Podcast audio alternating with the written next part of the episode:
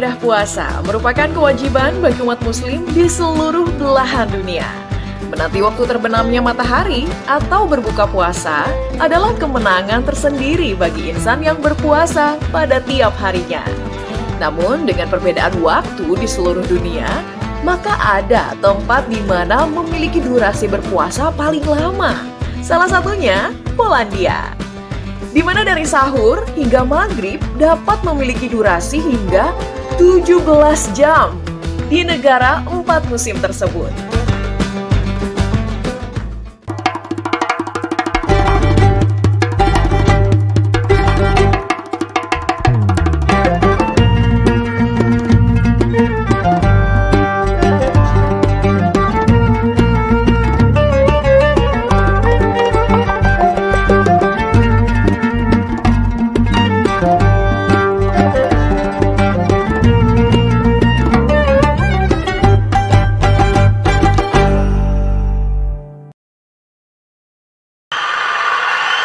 Sobat Antara, Assalamualaikum warahmatullahi wabarakatuh. Kembali lagi bersama saya Afud Safri dalam program Berisik Spesial Ramadan. Nah, pada episode kali ini uh, saya akan membahas mengenai Ramadan.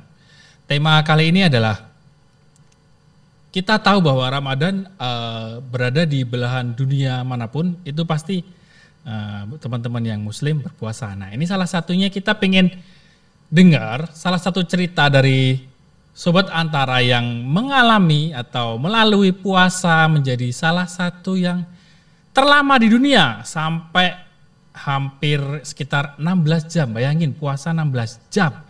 Dari mulai sahur terus bukanya ya kalau ingat buka ya kalau enggak buka sampai sahur lagi kali 16 jam. Sedangkan di Indonesia rata-rata 13 setengah jam, rata-rata 13 setengah jam.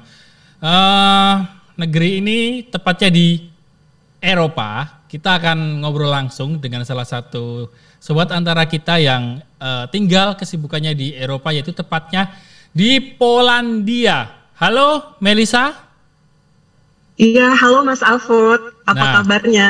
Alhamdulillah baik. Alah, nggak usah pakai Mas lah, sama-sama ini kita. Oh. Afut, oke okay, iya. oke okay. biar ini ya makin akrab ya iya, kita ya. Biar biar kita sok-sok akrab dikit lah. Melisa, gimana kabar nih di Polandia? Kabar alhamdulillah baik. Hari ini cuaca mendung tapi ya masih aman lah ya. Dingin juga. Oh iya, uh, di sana jam berapa ya saat ini? Kalau di sini jam 11 lebih 4 menit. 11 lebih 4 menit. Oke. Okay. Oh, Oke. Okay. Iya. Berarti perbedaan waktunya Jadi, sekitar 5 jam ya? 5 5 sampai 5 jam 5 benar, jam. Benar. Okay. Nah, kita nah, lebih lambat daripada Indonesia atau yang WIB. Hmm. Lambatnya 5 jam. Boleh Diceritain sebentar, Melisa. Uh, Melisa ini di sana tinggal di mana? Terus kesibukannya apa nih? Oke, okay, jadi aku awal nyampe Warsaw itu September tahun kemarin, September 2021. Ke sini awalnya dalam rangka sekolah, Terus uh, tapi ternyata juga sekalian kerja jadi full time student dan full time worker di sini. Uh, tinggalnya di Warsaw di ibu kotanya. Jadi kayak salah satu kota terpadat karena Warsaw ini kota yang paling sibuk sepolandia gitu ya. Uh, banyak pelajar, banyak kampus dan uh, industrinya paling berkembang sepolandia gitu. Di ibu kotanya berarti ya. Oke, okay, uh, kerja hmm. di bidang apa nih Mel? Terus ngambil kuliahnya atau beasiswanya ini konsentrasinya apa? Ah, ini tuh uh, waktu itu pas nyari-nyari sekolah kan tahun kemarin, cuman kayak bingung mau yang mana gitu. Nah, terus sempat nyari-nyari beberapa negara, terus ketemu ada pas waktu itu ada bukaan beasiswa di kampusnya University of Warsaw.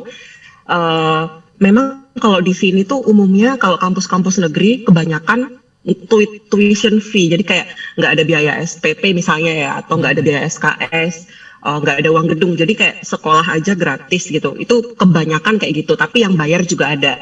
Uh, nah uh, kalau buat aku juga dapat yang gratis itu ditambah uh, ada uang saku bulanan gitu. Tapi waktu berangkat nggak uh, ada. Kayak misalnya tiket pesawat gitu waktu berangkat sendiri. Jadi kayak settlementnya belum ada. Hmm, gitu. oke. Okay. nah ini Mel, kita kan lagi di bulan Ramadan nih. Nah, salah satu tema kita ini kan kita pengen tahu nih teman-teman di Indonesia bahwa kalau di Indonesia kan Ramadannya walaupun kita iklimnya tropis ya atau tropical boy. Jadi kalau puasa kan Iya. challenge-nya paling suhu lah. Nah, sedangkan di Mhm. Poland sendiri atau Polandia ini eh, salah satu negara nomor dua dengan periode siangnya itu terlama. Otomatis puasanya menjadi Ya. lama dari antara sahur sampai buka bahkan sampai 16 jam ya. Bener gak sih, Mel? Bener bener bener. Iya. Jadi kalau aku boleh cerita ya, Afud, eh, kalau di Indonesia mungkin kalau puasa itu kan buat kita yang berat kan nahan haus ya. Sebenarnya kalau lapar mah nggak terlalu, tapi kayak lebih ke dahaga gitu.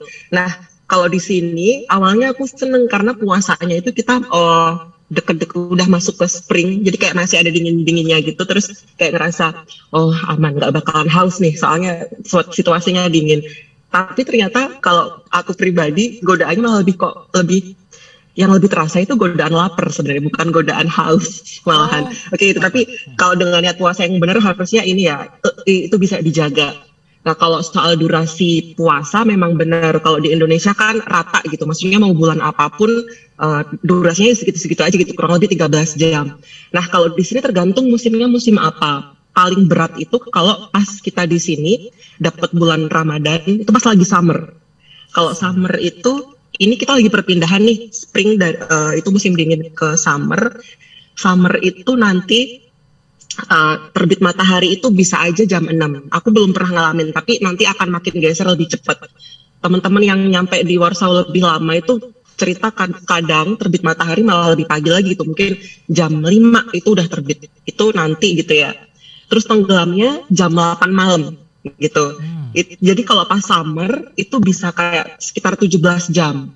Nah, kebetulan eh, kabar baiknya yang tahun ini Ramadan di Warsaw atau di Polandia itu kita ngerasain dari mulai spring, jadi nggak langsung kaget kita dapat 17 jam. Pas awal-awal kayak hari pertama, hari kedua puasa itu kita durasinya 15 jam. Jadi kayak imsak jam 4 pagi, eh, sorry 4.20 pagi, terus bisa buka tuh jam eh, 7 lebih 18 menit. Kayak 15 jam gitu. Nah, makin ke tengah, makin ke sini, ini durasinya udah nambah nih, udah hampir 16, udah hampir 16 jam. Jadi kayak jam imsaknya lebih cepat, terus jam bukanya lebih lama. Nah, nanti kayak dua minggu lagi atau pas menjelang menjelang Lebaran itu udah makin lebih lama lagi. Jadi kayak imsaknya lebih cepat lagi tuh. Terus jam buka puasanya hampir jam 8 aku cek di jadwal tuh kayak jadi kayak makin lama tentangnya gitu. Oh, Nah, yang mungkin kita penasaran tuh juga ngerasain puasa di ini kali ya, di winter. Hmm. Itu durasinya lebih pendek sebenarnya. Cuman gitu kan, kalau orang lagi kedinginan biasanya lebih cepat lapar it- itu sih. Jadi kayak ya di mana pun kita tetap ada ujiannya gitu. betul.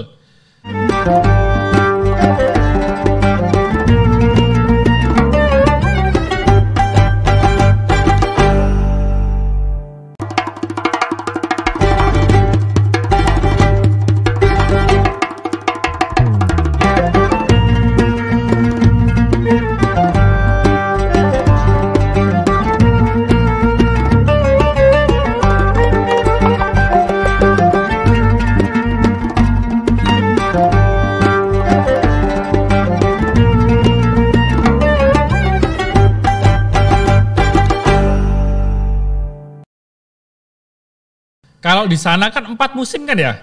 Negara empat musim ya di Iya, benar. negara dengan lambang elang ya. Yang hampir sama ya dengan kita ya. Garuda Iya, Cuman iya beda, ya, ingin beda terbang bendera, ya. Balik. Oke. Nah, kalau eh, di sana sekitar 17 jam itu eh, sambutannya atau kemeriahannya terasa nggak Mbak? Kan kal- kalau di Polandia kan mayoritas Katolik ya. Tapi meskipun Bener, bener. eh, Katolik dan di setiap sudut kan pasti lebih banyak gereja daripada masjid. Nah, Bener, bener. suasana Ramadannya itu kerasa atau enggak sih? Kalau buat aku nggak kerasa sama sekali ya, maksudnya kayak di lingkungan pun jadi gini kayak orang Indonesia di di Polandia, nggak cuma di Warsaw, jadi kayak sepolandia orang Indonesia itu mungkin cuma seribu, tapi ini uh, bisa aja aku salah. Maksudnya bisa uh, nanti kita konfirmasi ke data yang lain gitu. Tapi setauku kita sekitar seribu baik itu yang student ataupun yang pekerja migran. Sementara kalau dibandingin sama misalnya di Belanda gitu kan itu lebih banyak lagi gitu. Kita cuman sekitar seribu gitu kan. Jadi uh, kita akan sangat jarang ketemu sesama orang Indo uh, kemudian kita juga akan jarang ketemu misalnya sesama orang muslim gitu. Terlebih tadi emang dibilang kalau emang secara statistik Polandia itu 93% sekitar segitu itu agamanya uh, Kristen dan mayoritas di antara 93% tadi itu Katolik gitu ya. Hmm. Jadi buatku nggak terasa, nggak nggak terlihat suasana Ramadannya. Uh, sebelum Ramadan pun misalnya kayak sholat gitu ya kita nggak pernah dengar azan. Jadi memang caranya biar tahu kapan jadwal sholat kita harus punya aplikasinya gitu. Kita ngikutin aplikasi. Terus kalau pas puasa juga kita uh, ada acuannya. Teman-teman kebanyakan acuannya ada satu masjid gitu di Warsaw namanya Masjid OKM nama polisnya agak susah aku nggak bisa bilang uh, kita ngacunya ke sana. Jadi kayak jam imsak kita ngacu ke sana, terus jam sholat, tarawih, jam berbuka puasa kita juga mengacunya ke sana. Uh, kita juga bisa tarawih ke sana sih di Masjid OKM itu tadi. Cuman kalau di Indonesia misalnya kayak ada kita rame-rame berburu takjil gitu ya, di sini sama sekali nggak ada. Jadi kayak yang dimakan aja kan juga udah bukan makanan Indonesia kan kadang, hmm. uh, apalagi soal takjil gitu kita nggak nggak ada nggak nemu. Berarti ya, harus disiapin sendiri sih iya, kalau itu. Kolak Orang jual takjil gitu nggak ada. Kolak-kolak atau bubur sumsum yang di pinggir itu nggak nemu ya? Nggak nemu. Nemunya sepeda di parkir. Tapi Mel, oh, oh ya ngomong-ngomong kalau di Polindia tadi bahasanya emang susah hmm. ya? Bahasa di sana kan uh, salah satu bahasa tersulit juga ya setelah Prancis ya kalau nggak salah. Benar. Jadi nah. kalau kita misalnya punya data nih 10 bahasa tersusah di dunia, nah hmm. Polish itu termasuk salah satunya juga. Hmm, oke oke oke. Nah, berhubung di sana kan puasa sampai lama dan suasana tidak terasa. Nah, uh, teman-teman dari Indonesia sendiri atau adakah perkumpulan atau dari negara Muslim hmm. lain itu saling berkumpul nggak sih, Melisa untuk ngerasain bareng-bareng, hmm, masak hmm. bareng, puasa bareng atau sahur bareng gitu? Iya ya. Kalau dibilang komunitas gitu, misalnya kayak hmm. komunitas Muslim dari negara mana gitu, aku kurang tahu. Oh, kemarin udah cari-cari infonya gitu kan, hmm. uh, tapi nggak nemu juga gitu. Nah, tapi kalau undangan kayak undangan pengajian gitu ya, terus undangan berbuka puasa gitu ada. Misalnya kayak teman-teman PPI, Perhimpunan Pelajar Indonesia yang ada di sini gitu beberapa kali uh, koordinasi dengan KBRI uh, nanti kita tiap minggu akan ada acara kayak buka puasa bersama. Kalau nggak bisa buka puasa bersama karena misalnya kebanyakan orangnya ya kita akan ganti dengan pengajian gitu. Terus minggu kemarin juga udah diinfo sekitar uh, minggu depan akan ada undangan dari ini semacam perhimpunan pelajar dari Malaysia gitu. Terus hmm. uh, kita boleh datang juga. Jadi ya sebatas itu sih Mas Afud gitu. Kalau yang kemarin aku ikutin itu acara pengajian yang diselenggarakan sama uh, eh, KBRI dan juga teman-teman PPI itu mengundang uh, salah satu imam besar dari Masjid Istiqlal gitu. Oke, jadi ketika uh, ingin merasakan makanan Indonesia ketika Ramadan, mau nggak mau masak sendiri ya? Dan karena nggak ada oh, nggak mau masak, nggak ada restoran Indonesia sama sekali di sana yang bisa kita kunjungi atau kita coba gitu. Terus makanan khasnya apa coba? Oke, okay. kalau ngomong-ngomong soal resto Indonesia, hmm. uh, kita bisa bilang cuman ada dua resto Indonesia di Polandia. Yang satu ada di kota Warsaw memang, yang satu ada di kota lain di Poznań.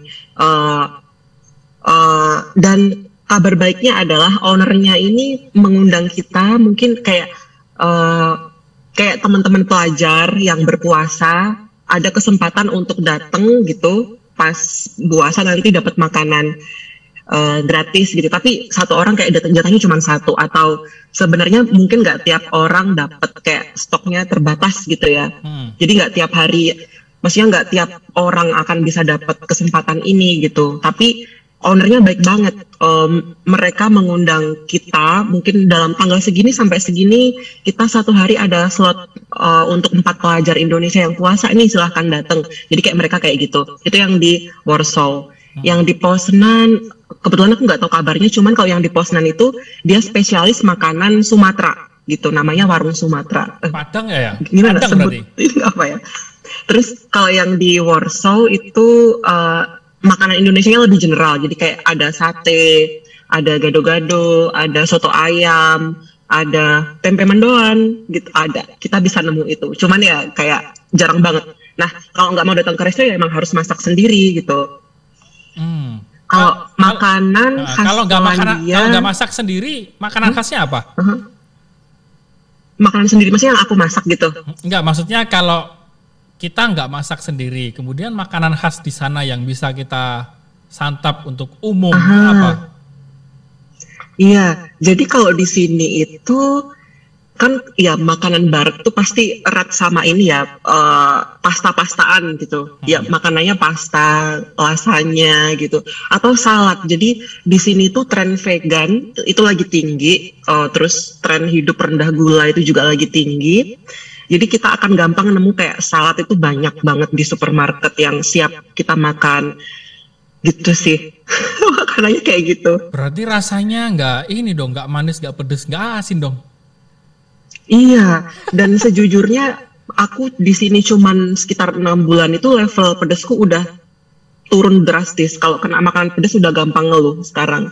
Karena udah jarang banget makan makanan pedes dan untuk dapetin cabe itu tokonya khusus. Jadi kayak jangankan buat dapat makanan Indonesia ya, kita mau cari bumbu rempah-rempahnya, mau cari cabenya, mau cari bawang merah yang kayak kita punya di Indonesia tuh susah banget gitu. Hmm. Jadi dan kalaupun ada itu harganya mahal, tempe harganya mahal, tahu harganya mahal. Jadi uh, kalau kita nurutin mau makan itu ya kita spend buat makanannya jadi gede gitu. Jadi uh, kalau aku pribadi gitu akhirnya melebur dengan makanan sini juga gitu. Kalau mau aman ya makan salad gitu kan.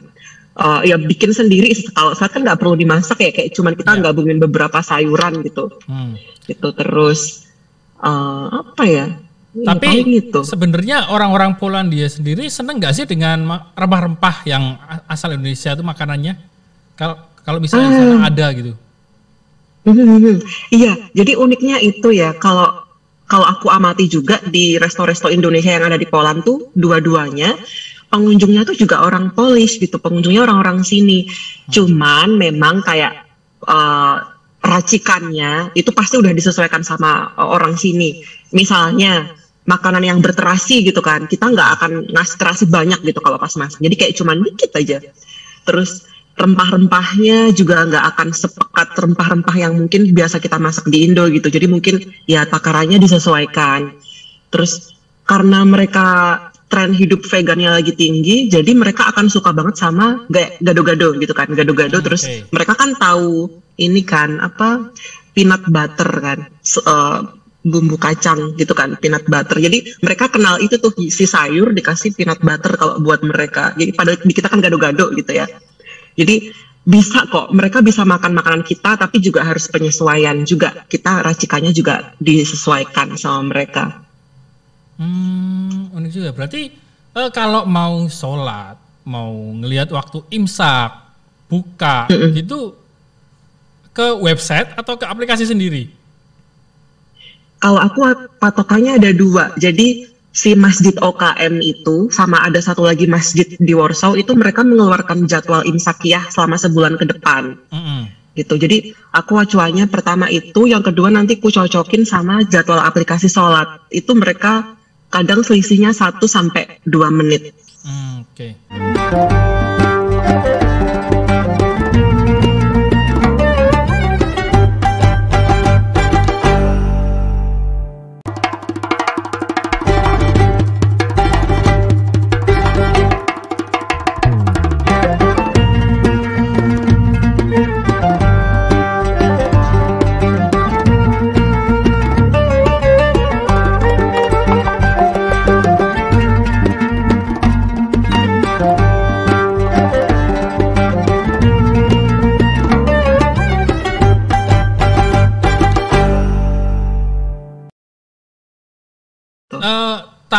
Tanggapan masyarakat Polandia sendiri terhadap atau masyarakat umum di sana terhadap Muslim ketika berpuasa di bulan Ramadan itu seperti apa? Apakah mendapatkan diskredit atau memang mereka akan menghargai?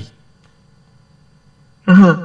Kalau sejauh ini mereka menghargai gitu, tapi gini kita kayak melakukan edukasi gitu ya, Hmm. karena mereka kadang tuh nggak ngerti apa yang kita lakukan, jadi kayak ya wajar kan eh, kalau di negara kita kita kan mengakui sedikitnya eh, enam agama gitu ya, ya enam agama gitu. Kalau di sini memang kayak satu aja gitu, mereka memeluk Katolik mayoritas tadi 93% kurang lebih segitu. Jadi kalau mereka tahu ada muslim berpuasa, mereka menghargai tapi kita harus ngasih tahu berpuasa itu ngapain gitu. Terus kayak apa yang boleh, apa yang nggak boleh. Kayak misalnya eh, mereka akan ngajak makan siang nih, kita harus bilang eh, kayak aku nggak makan atau nggak aku nggak ikut dulu. Nah, nanti mereka akan ngajak tuh, tetap akan ngajak karena kalau cuma kita ngomong kayak gitu tetap akan ngajak. Jadi mau nggak mau kita harus bilang kayak oh, kita we are in Ramadan, we are we we are fasting gitu. Kayak kita akan puasa sampai 30 hari ke depan. Kita nggak boleh ngapain gitu. Kita nggak kita makannya jam segini dan jam segini, mulai jam segini sampai jam segini. Terus kita eh, menghindari makanan ini dan minuman yang itu misalnya kayak gitu Hmm. mereka akan paham. Iya, tapi tergantung kadang kalau yang temen deket kan kadang kayak nggoda-nggodain itu wajar sih ya. Hmm. Tapi secara umum mereka kalau dikasih tahu mereka paham gitu. Kalau dari negara-negara Muslim yang lain yang mungkin Melisa kenal, Mhm. apakah di sana juga eh, budayanya seperti negara Muslim kita dari Indonesia orang-orangnya gitu? Apakah juga ikut berpuasa atau jangan-jangan negara Muslim yang berasal dari luar Polandia juga seperti Turki, mungkin eh, Arab atau apa, Mhm. mereka juga melebur dengan ikut gak berpuasa atau gimana? Ini sebenarnya aku nggak tahu apakah jawabanku bisa buat jadi patokan generalisasi gitu ya. Hmm.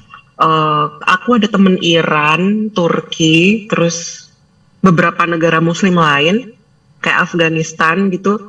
Kebetulan yang aku kenal nggak puasa, cuman aku nggak tahu apakah ini mencerminkan eh, budaya dari negaranya, apakah personal gitu ya. Hmm. Jadi eh, kalau yang tadi yang aku bilang kayak negara Muslim dari sorry eh, teman-teman Muslim dari Malaysia mereka masih puasa gitu. Tapi kalau yang kayak tadi yang kayak beberapa yang tadi aku bilang Turki, Iran, Afghanistan itu enggak. Tapi mereka eh, Muslim gitu. Jadi dan aku nggak tahu apakah ini kultur negaranya ataukah bukan aku nggak ngerti. Hmm. Apakah itu cuman subjektif dari ini aja ya, orangnya aja ya? Mm-mm. Iya, karena kebetulan yang aku tahu juga Turki cuma satu orang, Iran cuma satu orang, oh, Afghanistan ada dua, cuman ya aku taunya mereka nggak puasa gitu. Tapi ada tempat-tempat eh, atau wisata religi khusus Islam atau Muslim itu ada gak sih Mel di sana? Mungkin ada perkumpulan atau apa yang membuat itu menjadi tempat wisata gitu? Gak ada ya? Satu-satunya tempat wisata kalau di Warsaw yang aku tahu ya tadi si Masjid OKM itu ya. Ntar aku ngecek contekan dulu. Si Masjid OKM itu kalau nggak salah juga kayak ini jadi salah satu cultural heritage untuk umat Muslim di Warsaw gitu. Eh, dan dia kayak salah satu masjid terbesar gitu. Nah, kalau teman-teman yang mungkin Jumatan gitu ya, terus sholat tarawih mereka juga bisa ke sana. Hmm. gitu. Cuman nggak semua orang datang ke sana karena memang lokasinya eh, karena cuman satu ya terus jadi jauh gitu untuk beberapa orang. Kalau dari tempatku sendiri itu bisa naik tram eh, itu satu jam. Jadi nggak mungkin tiap hari ke sana gitu Hmm. apalagi kalau situasinya ini kayak kemarin itu turun salju deras banget Hmm. angin kenceng banget gitu jadi kayak bikin mager gitu kalau tiap hari harus terawihnya ke, ke, ke OKM tapi kalau pas cuacanya oke gitu kita bisa ke sana ke OKM Berarti mulai imsaknya itu jam berapa sih Mel? Terus bukanya jam berapa? Aha. kalau yang per hari ini imsak itu jam 4.23 kalau nggak salah ya 4, 2, 3 karena angkanya tiap hari berubah iya Eh, kalau yang sorry kalau imsak hari ini jam 4 lebih 18an terus kalau yang buka puasa nanti itu jam 7 lebih 23 kalau belum berubah angkanya harus cek karena memang tiap hari itu harus ngecek tiap saat harus ngecek Ya tapi selisihnya cuma menit aja kan? Atau sampai jauh kan? Enggak juga kan? Eh, nggak tentu. Kadang Oh, tuh tentu. ada hari yang selisihnya cuma menit, kadang maksudnya kayak dua menit, tiga menit Ah. gitu, kadang gitu. Kadang ada kayak eh, 10 menit gitu juga ada kadang. Oh, kalau di Indonesia kan biasanya perbedaannya kan per hari ya satu dua tiga menit gitu kan? Di sana Iya, ini beda. Kayak misalnya gini aja, puasa hari pertama itu kita bisa buka puasa jam 7 lebih 18 Hmm. malam. Nah, tapi di hari terakhir nanti puasa tuh itu padahal kan durasi cuma 30 hari ya. Hmm. Di hari nanti terakhir puasa itu kita bukanya di sekitar jam 8.30 apa jam 8 berapa gitu. Itu hampir jam 9. Jadi kayak aku nggak tahu persis ini kapan hari yang mana terus durasinya jadi kayak makin banyak gitu. Gitu. Jadi makanya harus ngecek terus. Hmm, berarti ketika kerja di sana terus Ramadan itu nggak ada ini ya, nggak ada perlakuan spesial atau ketika hari Ramadan tuh jam kerja dipotong atau dikurangi bebannya itu nggak ada ya? Enggak, enggak Pas ada. saja ya? Karena mereka nggak familiar, iya, mereka nggak familiar dengan itu gitu. Jadi ya kita harus yang bisa atur sendiri. Oke, terus kalau misalnya mau sholat atau apa gitu eh, melakukan kewajiban muslim lah, Hmm, itu kan di sana Kalau- susah masjid tuh. Iya, ini memang. Ya, tapi orang-orang di sini akhirnya, eh, maksudnya orang-orang Muslim di sini, kalau pas di tempat kerja atau di kampus mau sholat, pilihannya ada beberapa macam sih. Kayak ada ada eh, kampus yang kemudian gini, kalau kita minta profesornya terus, "Eh, aku Muslim nih, aku, Mm-mm. dan aku sepanjang waktu spend waktu di sini, aku butuh tempat sholat misalnya. Kalau memang di sana ada ruangan yang bisa kita pakai, kita akan dikasih. Tapi itu nggak nggak banyak kejadian kayak gitu, itu kayak tertentu banget. Itu itu enak ya kalau bisa kayak gitu. Nah yang kedua opsinya adalah ada beberapa kali teman-teman yang eh, sholat jamaah di parkiran kampus gitu. Tapi di ya parkiran itu itu menurutku berani banget gitu. Hmm. Nah, yang opsi ketiga ini yang menurutku lebih banyak dilakukan. Jadi biasanya kita akan eh, pergi ke ruang-ruang kecil, Mm-mm. entah itu yang disediain kampus sama kantor, ya kita ke ruangan kecil gitu aja terus eh, tayamum dan juga sholat sambil duduk gitu. Hmm. Jadi kayak memang bener-bener udah kayak situasi darurat. Iya iya iya iya. iya. Mhm. Oke, Melisa harapannya apa nih? Melisa Ramadan di sana di Polandia, terus kemudian ini mungkin nanti disaksikan sama teman-teman di Indonesia nih sama sobat Antara. Ada yang ingin disampaikan nggak?